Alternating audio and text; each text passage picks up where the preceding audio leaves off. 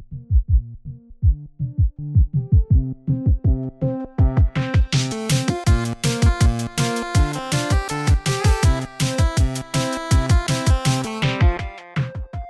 Och välkommen till Spelfokus. Jag heter Gabriella Kalteneckar. Och jag heter Björn Flintberg och vi jobbar på forskningsinstitutet RISE. And now my friend, let's change the language. Yes, we have to today because we're having a guest, uh, an international guest today, which is going to be hugely interesting.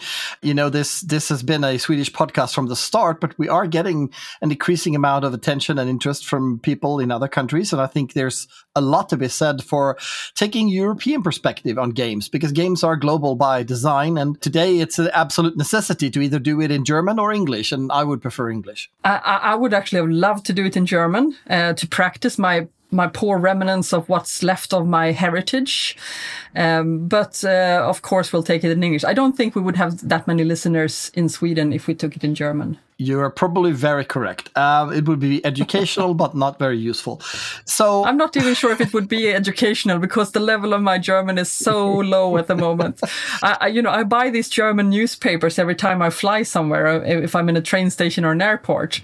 So I try to keep up with it. But but anyway, so shall we introduce our guest? Yeah, we should because this guy approached us at a conference in the during the spring.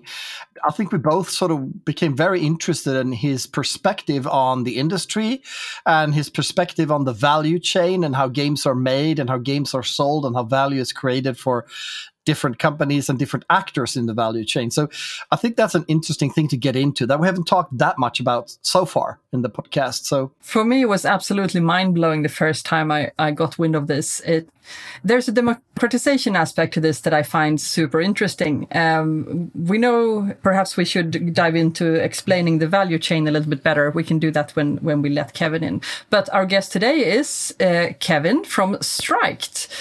Kevin uh, Hildebrandt is the CPO and co-founder of Strike.gg.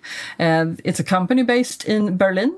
I think uh, Kevin actually is located in Malta, but which is not a bad place to be located in, especially when we're sitting here in Sweden and, and watching the fall clouds roll in over the landscape. But exactly. but we met uh, at Nordic Game Conference and we also met again at Gamescom this year. So I think Kevin might also be attending some other conferences in Sweden this year. So keep an eye out. And if you're interested or have questions after the podcast, please feel free to reach out to us or to Kevin himself, of course.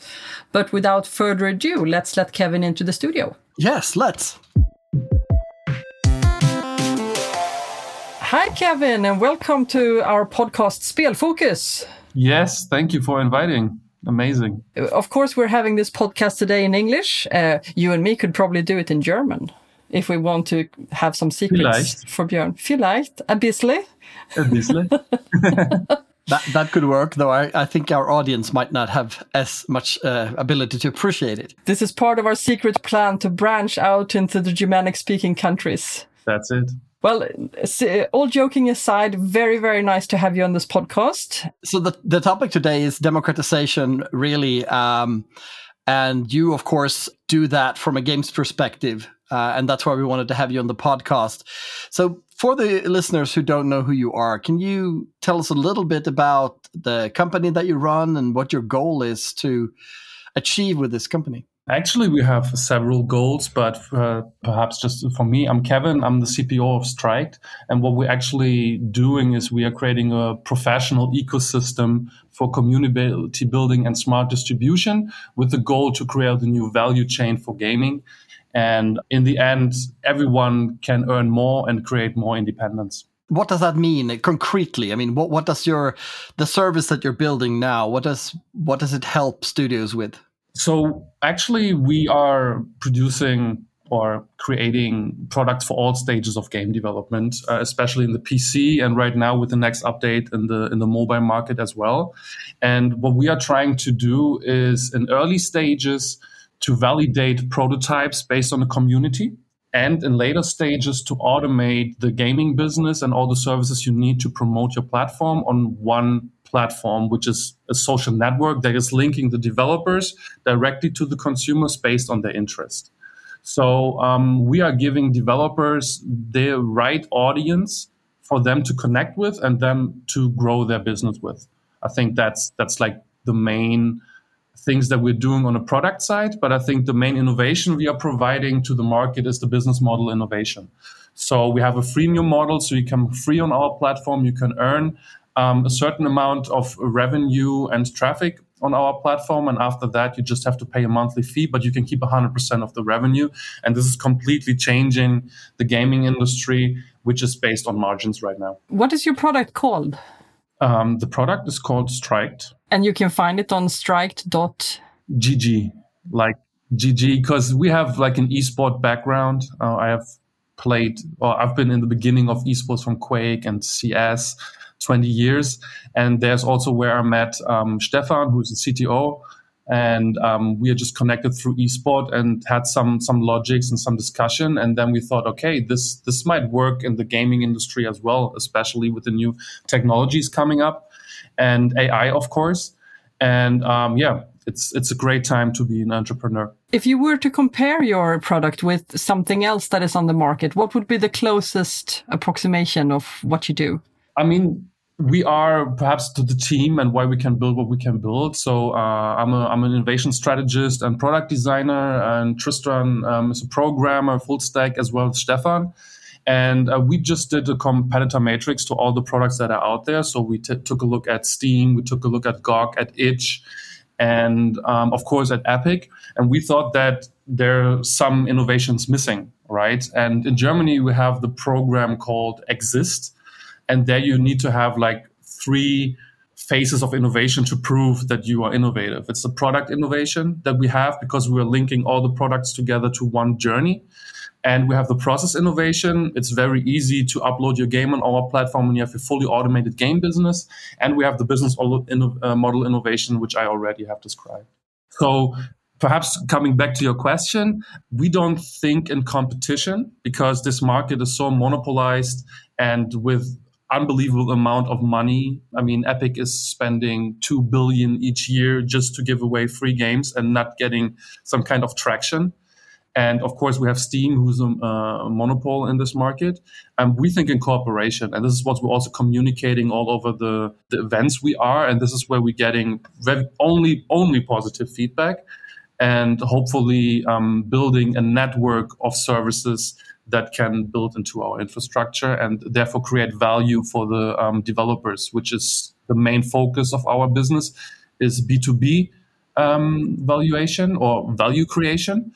And right now we are focusing on B2C because we have the cold start problem, but this is something we talk about later, I think. But your product is already live, right? Yes, we are already live. So today you can go into striked.gg and set up an account and try out the product. Yes, try out the product. We're still early stage, but the um, development is happening and the, the mobile update is coming and we are in talks with a lot of people. So there's a lot of stuff going on, and I'm really looking forward for the next year. What is it that that drives you? What what I mean, obviously, when you do a startup of any kind, it's a huge investment in time and dedication, uh, and and usually for most entrepreneurs, it's it's not about the money you dream of making. It, it's usually something else. So what's what's driving you to? Why do you feel this is important? This type of solution. I mean, for my personal background, I I studied culture and technology, which is like an interdisciplinary study. And you, I was forced to, to think beyond borders all the time. And then I did my master's in innovation management and technology management and entrepreneurship. And then by accident got into design thinking and slided into the whole design creative industry.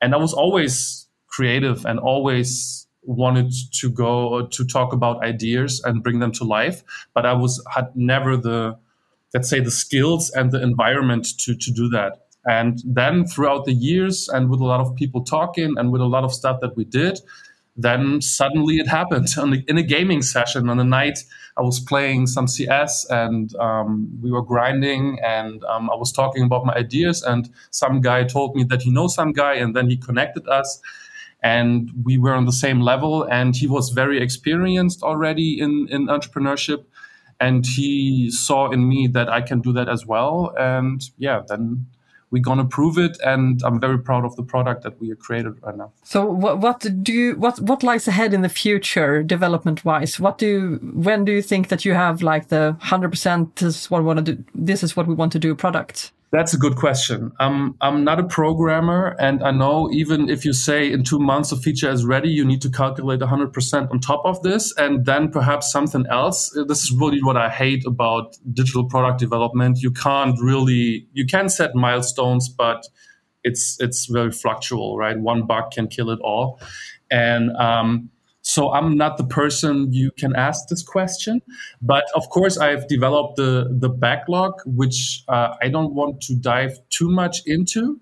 Um, because there are some features that hopefully um, bring a change in the B2C, uh, B2C acquisition and bring us more users to the platform. But what we are doing or what we are testing right now is really okay, how can we get, like I said, the corporational part? How can we get the stakeholders that are already in the system on the platform and get and create traction with them?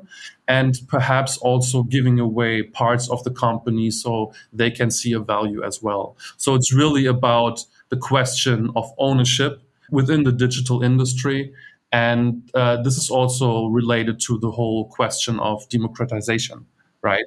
I mean, if you take a look at, at the history of democracy, that's that's that's all about ownership, right? Diving into the topic of democratization a little bit more, would you need to have a like a, an acute sense of business acumen if you simplify the process, the value chain? So, I, I think not probably every one of our listeners knows exactly what a value chain is.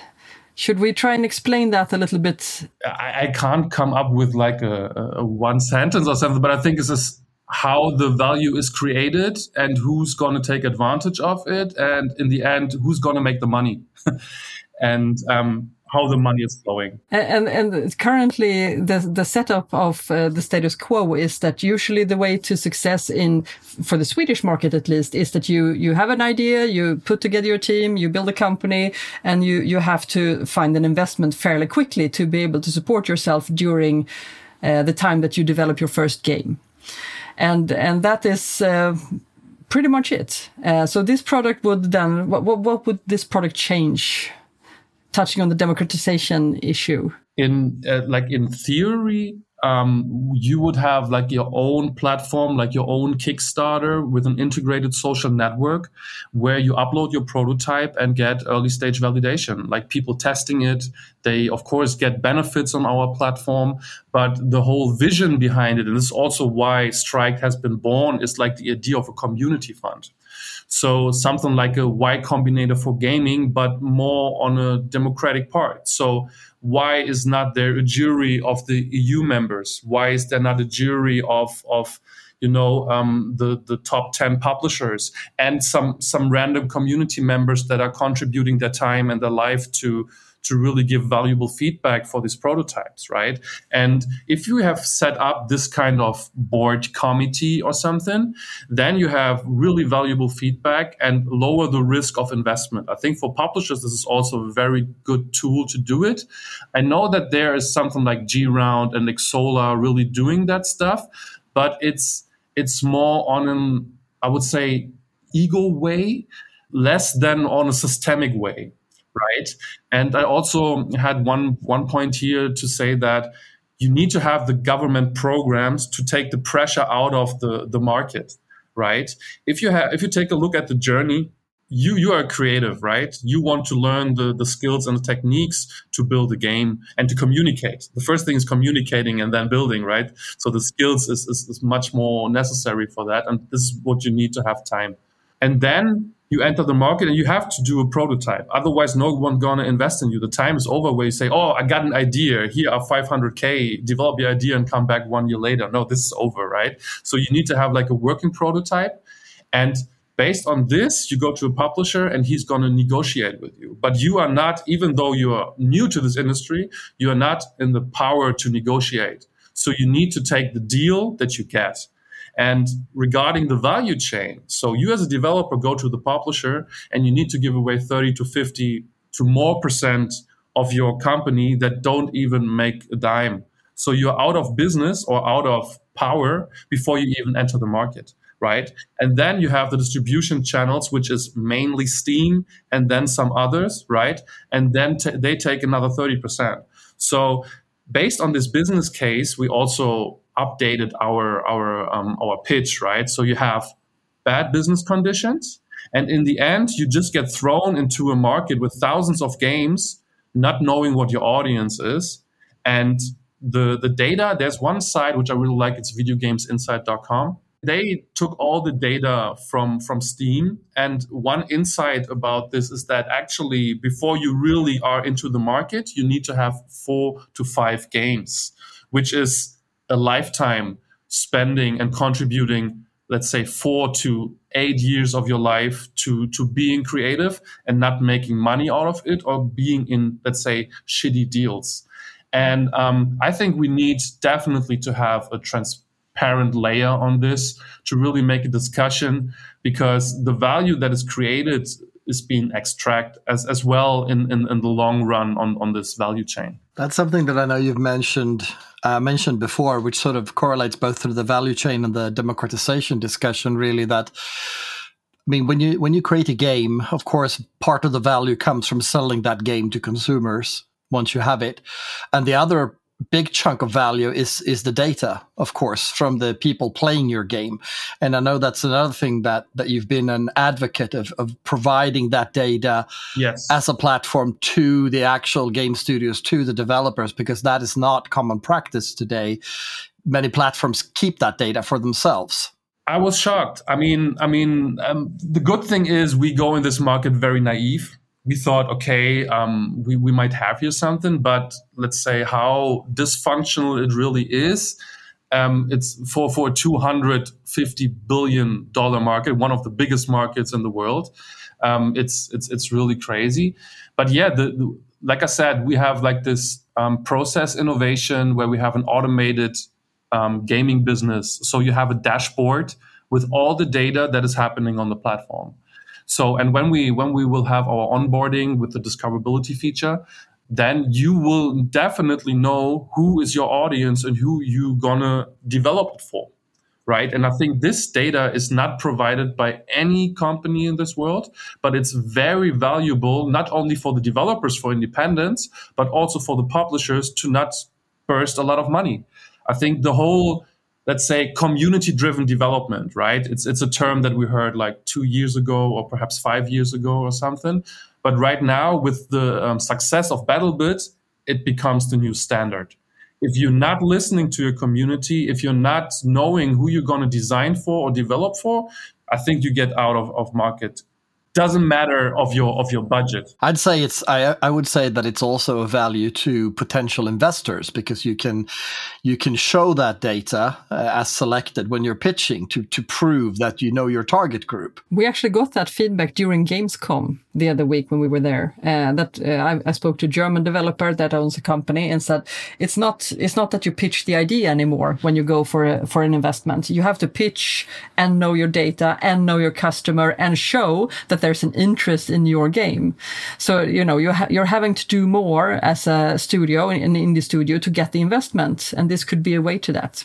Definitely, and you get it for free on our platform. That's that's the crazy part of this, right? So why do you do it for free then? What, what's the upside for you? How do you earn your money? I would love to do it for free, but um, I need to pay my rent. The guys need to pay their rent. They have family. Um, we have employees. That I mean, it's it's right now. It's really just a, question of money and smart money being in, into strike, and we are not aiming to to have like a big exit and then we say, oh, we are the entrepreneurs. I think, and also regarding my background, I come from governance technologies. I used to to create products that enable citizens to be part of the democratic process, right? So, and based on this thinking, I think what Strike mainly is is something that's also we are applying for EU funding is a free gaming infrastructure for everyone to create a safe and transparent playing field for creativity and innovation. And um, I mean, we can put all the marketing words that we have on our Miro board, right? We have everything that we can think of. But in the end, you need to decide how you want to communicate it. And if you want to have private people in, you need to have a business model. But I think still the business model with the subscription is very fair. And um, it's also the only business model that, if you think long term, not short term, is the business model that's linking to the lifetime value, which we want to create. We are not here to say, oh, look what we got. We are here to stay and say, this is, this is a statement and you can copy us or you can cooperate with us. That's the only way. Why do you give away all this data for free?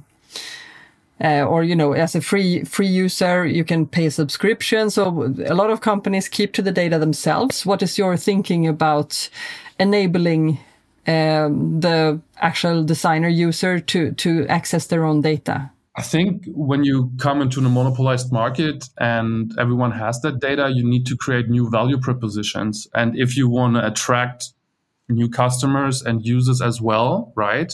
I think the users are also very important. It's also us as consumers, right? Do I buy the cheap meat or do I buy the the the let's say regional meat, right? How do I, with my financial decisions, influence the development of e- economies? And that's something that needs to be data driven. And I always thought and still think that open data is the way to go. And we need to provide, especially in early stages, to, to everyone that wants to be in the market this data. And I think it's some kind of a right for them to have it. I mean, it's their game, it's their data. And I didn't know that. And I don't know if it's true, but even if you buy a game on Steam, you still don't own it right? So you can't just take your game and go to Strike and say, I want to play this game here.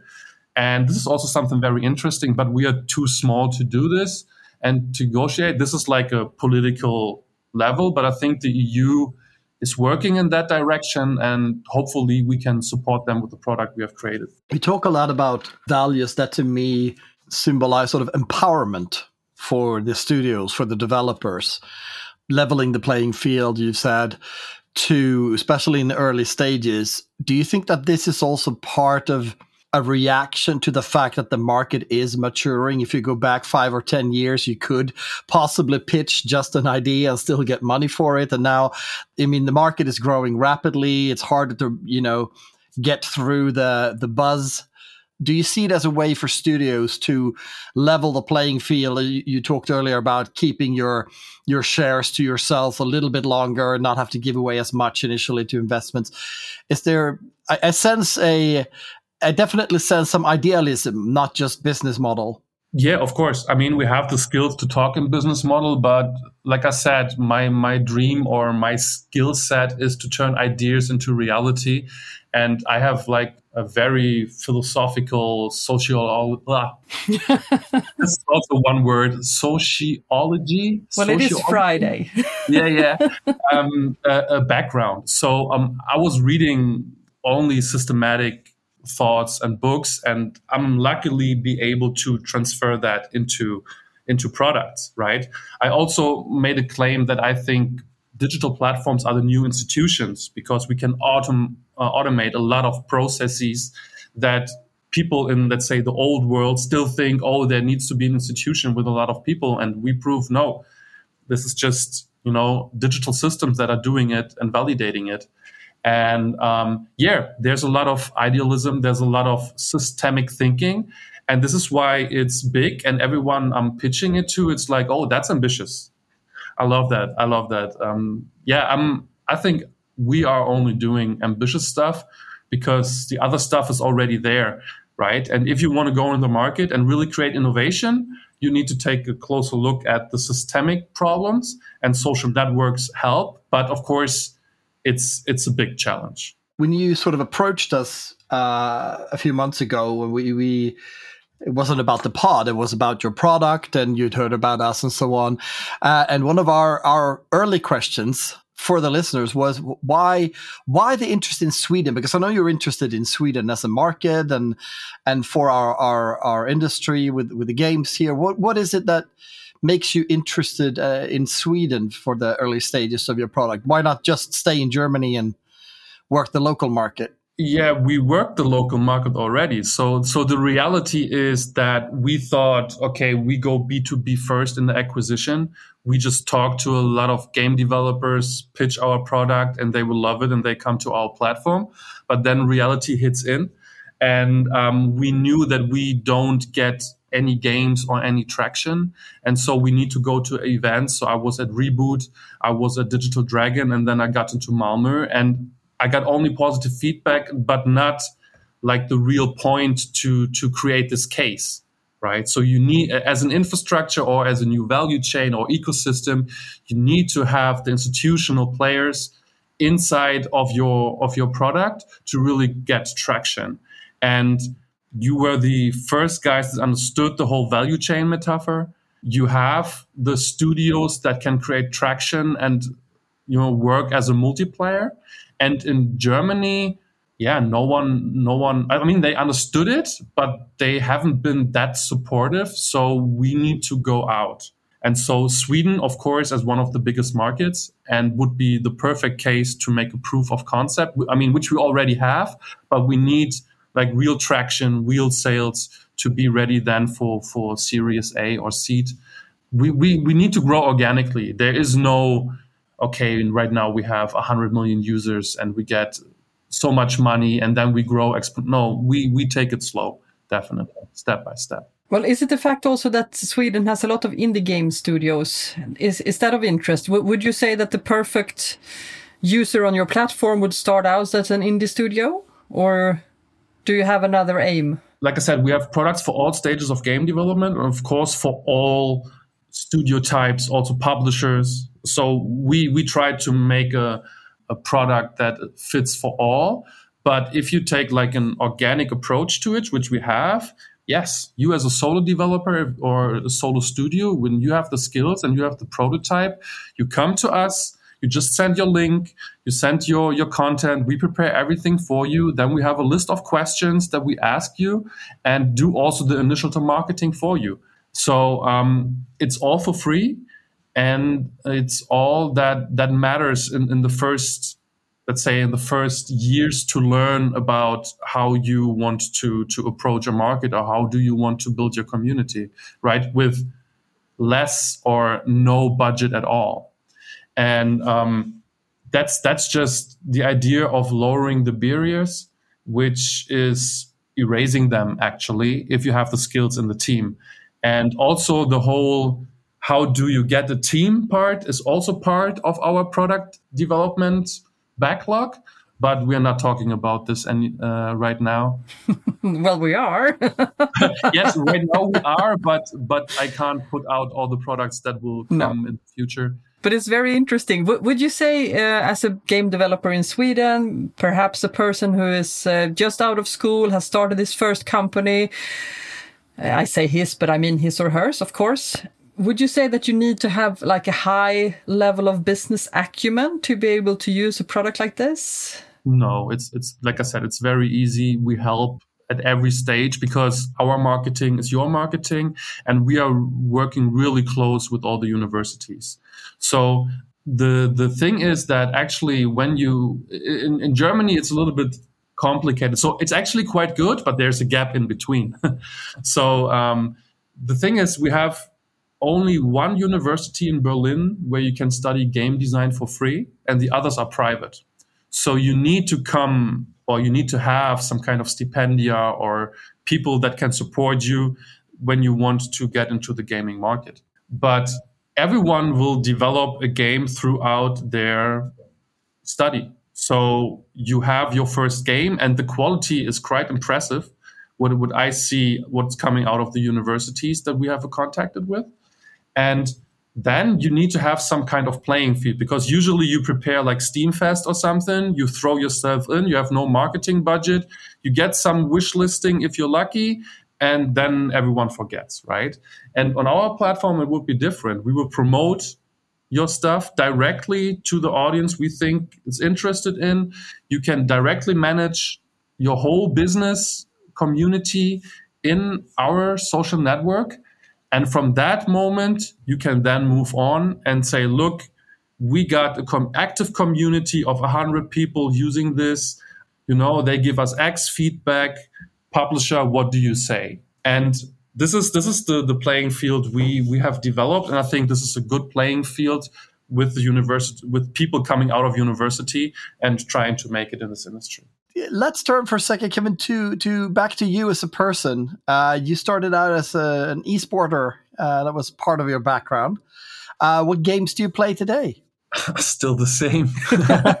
so so um, yeah. Um, actually, we also wrote in our axis that we we've been part of the gaming industry since the Game Boy. So I think when the Game Boy release came out, my parents were very happy. So me and my brother didn't fight each other uh, directly. We just played Tetris, and um, who said who, who's better there. And then it just moved on. I've been carrying the the heavy monitors to the LAN parties, right? The the CPL, like the first ones. I was. And when I got my first computer, actually, my dad got the first computer, and his friend put some games on this computer. And of course, I was not allowed to use the computer, but still, I did it and um, there was Quake 2, right? And I was, I think, 12 or something, and then I played Quake 2. And I was really into this whole shooter competitive scene. And then I was playing Quake 3 Arena quite competitively. And then Counter Strike came out, and I had a lot of friends. And in Germany, it's also cold in, in September and October. No, right now in October, because September right now it's very sunny. And yeah we just we just love to play competitively video games. And i never thought that i would end up making this this platform.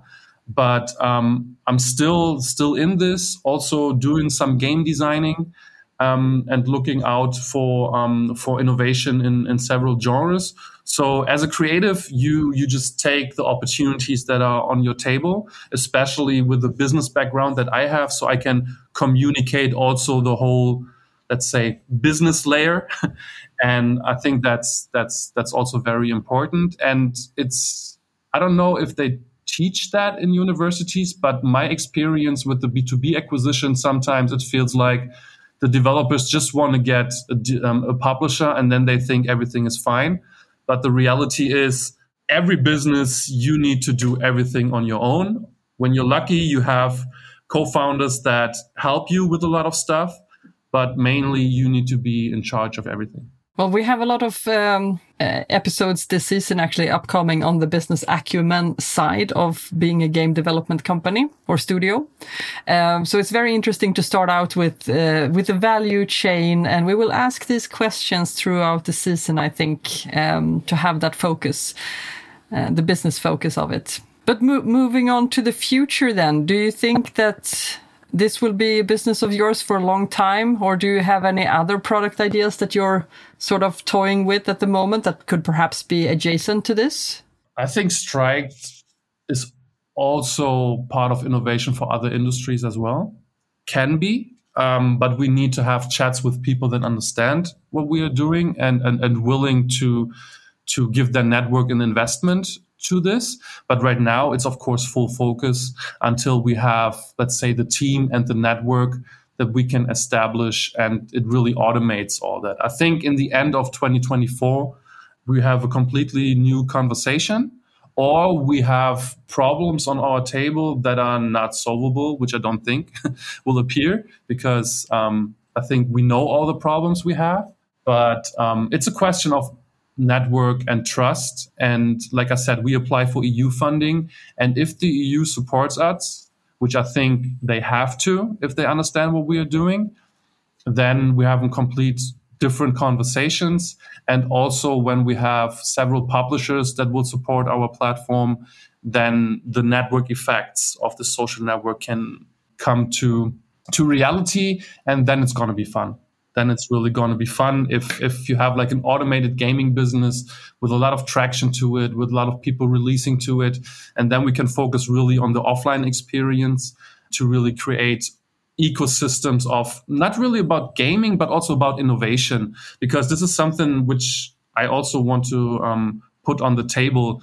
The the gaming industry and technologies we have is um, let's say a playing field for societal innovation. You can do anything you want in this space and say, look, this is how it's going to look if we do it, right? So just imagine the whole social ecolog- ecological transformation that is ahead of us, right?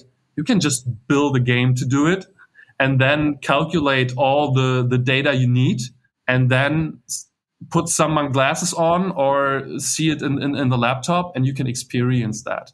And this is also, of course, what I'm doing here in, in Berlin to be like an advocator or, or preacher or I don't know to say, look, the gaming industry has huge potential for any industry and is a driver for, for innovation. And that's sort of where we come into the picture. That's our also area of uh, interest, so to speak. So, needless to say, we when, when we met uh, this spring in Malmö, uh, we had a lot of uh, very interesting discussions on how to move forward. Uh, will you be attending any upcoming events in Sweden? Um, hopefully, but of course, uh, right now the focus is on getting um, investment into the company again. And when this is set up, then we can see with how much people we can work with. And based on this, we will definitely be all over Europe. Everyone who's inviting us. Unluckily, the the um, the project with Level Up on the EU didn't work out because we would love to be part of this. But first, we need to secure um, our investment and uh, the the network around it to then really move forward um, with the next steps. But everything is planned right now. It's really just a question about um, the money to get the time because we really need two years plus to to make a change in the industry. It'll be very interesting to follow this journey, Kevin. Um, and hopefully, like you said, by the end of next year, you will you will uh, have glorious celebrations. Yes, hopefully. I think it's a very interesting approach that you take with your idea from an innovation standpoint. I agree wholeheartedly with you that the gaming industry is a potential catalyst for innovation and, and, that's a discussion I try to have in any any room where there is a decision maker present. But I think also not not just that, but the fact that you are driven by sort of an empowerment perspective on behalf of the developers and the designers, or even of small studios, uh, I think is an interesting and important aspect of the change going on in the industry right now, where we see that a lot of major players with a lot of money are you know buying and and uh, giving away those money to to take on huge chunks of the market not just platforms but other investors and publishers as well. And obviously there are there are benefits to the market with that but there were also risks especially when you see a lot of money coming from certain countries that we would perhaps prefer not to deal as closely with um, without mentioning any names. But but there are there's a trend going on that there are investments into the industry that really might not be detrimental, not just to the singular companies, but to the industry as a whole over time. Because I, really think that Europe has several countries with a lot of good game studios that has enormous potential. And I think it would be in the interest of, of these nations and of the EU to support the native game industry. So I was very happy when the EU declared that cultural and creative industries was one of their key industries for the future. And so we can just hope that they'll back that up with the with the financing and the infrastructure that that is needed. So it'll be very interesting to follow your journey going ahead with Striked, and you're always welcome to Sweden, of course. Thank you for that. Yeah, I, I hope that I hope that as well. Let's see if the EU's understanding on the product level, because I think the the problem with politics is that they don't think in products and processes. They know they need it, right? But they don't know how to translate it and they can't build it themselves. That's why like the civil society or entrepreneurs like us have to build these and then connect with them. But we are we are ready for the application. We are ready for for everyone who wants to work with us and we have like a really cool backlog that I would love to to produce and bring live. But of course, we're also a small team. You need to understand that we are only three founders and one uh, marketing guy. So um, everyone's giving us um, yeah props for what we're doing, but we want to make the change. It's not about oh you did that, it's cool. No, we really want to make the change and, and make the difference. And this is why we need partners because sometimes you're just limited. I would be very interesting to see interested to see if there will be a shift in the type of games that come out with the help of product like Striked. Uh, because uh, I know you're a big CS fan and like, yeah, but uh, some part of the market, I, I would not uh, exaggerate if I say 50%, like the female part of the market. Um, I know a lot of us play CS2, I do as well, but there must be something more. And I feel that maybe some indie developers that has grand novel ideas uh, have a hard time getting the chance with the traditional approach of getting your game published. So it would be very fun to see and follow if the market picks up on this type of uh, uh, value chain changer. Yeah, it's it's it's all about diversity as well. I mean, I'm talking a lot about innovation because this is like my my thing, right? But of course, the the diversity that drives the innovation. So it's not innovation drives diversity, it's the other way around. We're also trying to find our segment there, knowing that family gaming and especially silver gaming um, is also very growing. These are like the two segments that are that are growing expansionally. But the family thing is that it's more on consoles, and the console market is like locked. And the silver gaming Park is also as I have experienced in Germany with a lot of third party solutions. So they, they, they buy hardware with, with their own software in it. But we, we have that on, on the, on the agenda, definitely, but we haven't found the partners that really want to approach with us. So Striked can be used in all schools, in, in, in, in all elderly homes as an infrastructure and bring the games to them as well. But it makes no sense just to have like the, the infrastructure. Here's the gameplay. We want to have people on board that really, you know, engage with the people and interact and create new experiences. And uh, one claim that we also have is like that offline is the new online. So in the time where everyone is 24 seven on their phone and uh, everywhere, you need to have like these offline experiences that are also linked to to an online platform, but it's more about being offline. And this is what I really liked about the the events that I've attended, Digital Dragon, Malmö, and Reboot as well. So many creative people, so many fun to talk about, and um, yeah, I mean that's that's just a place to be. Well, you know what they say: creativity is Sweden's new steel. Oh, okay. Then then Sweden needs to have a chat with Striked. I think. there you go. I am guessing we could go on for hours about this, of course, but I know that our time is running short uh, on this episode. So we'll hope to welcome you back and, and follow the progress of Striked in the future. We wish you all the best of luck. Thank you for, for joining us today at Spelfokus. Thank you for the invitation. And um, next time, perhaps with uh, Tristan and Stefan as well. Awesome. Well, as we forecasted, Björn, very interesting. Definitely. What do you think about the future of the value chain evaluation or, or development, should I say, in Sweden? You know, I, I studied this quite a lot in my thesis. Uh, and I think there's a lot to be said about how the value chain of the computer games industry is different from many other industries. Um, I mean, similar to the movie industry, a lot of the investment comes before the product. So you have to put a lot of money in, and then you sort of bet that your product will be liked well enough to uh, produce enough money when hitting the consumers that it will pay back the investment and hopefully then some. But there's there are there are other aspects of the value chain as well because while there is no natural resources involved apart from energy, there's a lot of money going through different platforms of course i mean one of the reasons that apple became such a enormously rich company is because of the, the the p- fees from from the app store similar with google play. And and this is no stranger for the gaming industry as well. Most of the platforms where you can publish your games take out a hefty chunk uh, of the money.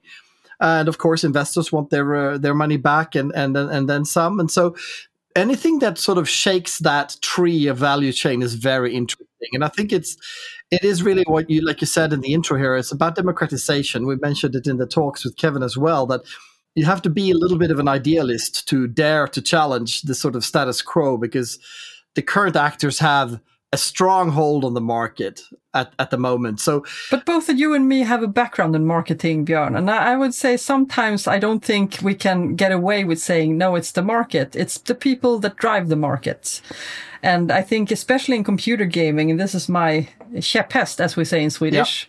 our stick horse. That doesn't translate well, does it? But you, you get what I'm meaning. We, we need more diversity in the gaming development process. We need more diversified games. We need to sort of start getting into the serious games side of things as well. Uh, if we are serious about harnessing the power of game making and technologies in the game making process and, and putting that to use to society as a greater whole. And, uh, you know, my personal thing is I just want to play better games. I, I did all the first person shooter shit. I, I know that. And if, if we all go by the market being, no, no, we know what sells. Well, yes, but it's not what sells that interesting. It's what you haven't tried to sell yet. That's also interesting.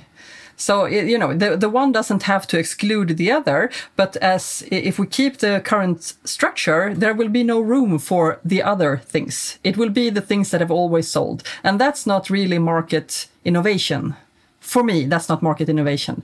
As a marketeer, that I would say that that's poor uh, well, uh, you know, it's understandable because of, you know, a lot of money involved and risk taking and all that. But that's why these kind of products are so interesting. And also, you know, what we also touched upon with Kevin is that more and more investors need more information before they can commit to investing in a game. And how, how do the game developers get that currently? They can't because they can't, they can't access their data. And this is a type of product that would actually enable them to do that. So that's why I find it very interesting, both for my egotistical personal reasons of wanting to play cooler games, other games, and for, for the democratization process of actually allowing more companies to come forward with a pitch to begin with. Yeah, I mean, you you definitely onto something there. I think because obviously there will be innovation in the games market and, and this perhaps can be a way for studios that otherwise wouldn't have seen investment to, to get into the market. So uh, if it can help with that that's amazing. And and i think the value of data is growing every month as as more data is amassed. And and we hear it in all industries how valuable data is. Uh, and having the rights to own your own data the data that your products produce is a key factor for any company, especially if you look at it over time. Breaking the mold and making it more competitive for everyone. And whether it's Kevin's company that does it or some other, we don't know yet. But uh, I, I, wish him the very best uh, in his his uh, journey to towards this. So we'll uh, keep our fingers crossed for him and uh, see how it does. Well, a very interesting uh, topic today. And I hope you as a listener has enjoyed this podcast. And if you have any questions, as we said at the beginning, always please feel free to, to get, reach out to us and uh, ask them. Thank you, Björn, for today. And this is Friday today when we're recording this. Uh, so if it's Friday, uh, well, it will be Wednesday, Wednesday when we air it, but, um, Wednesday is, as we say in Swedish, the little Friday. So we still wish you a pleasant weekend. there you go.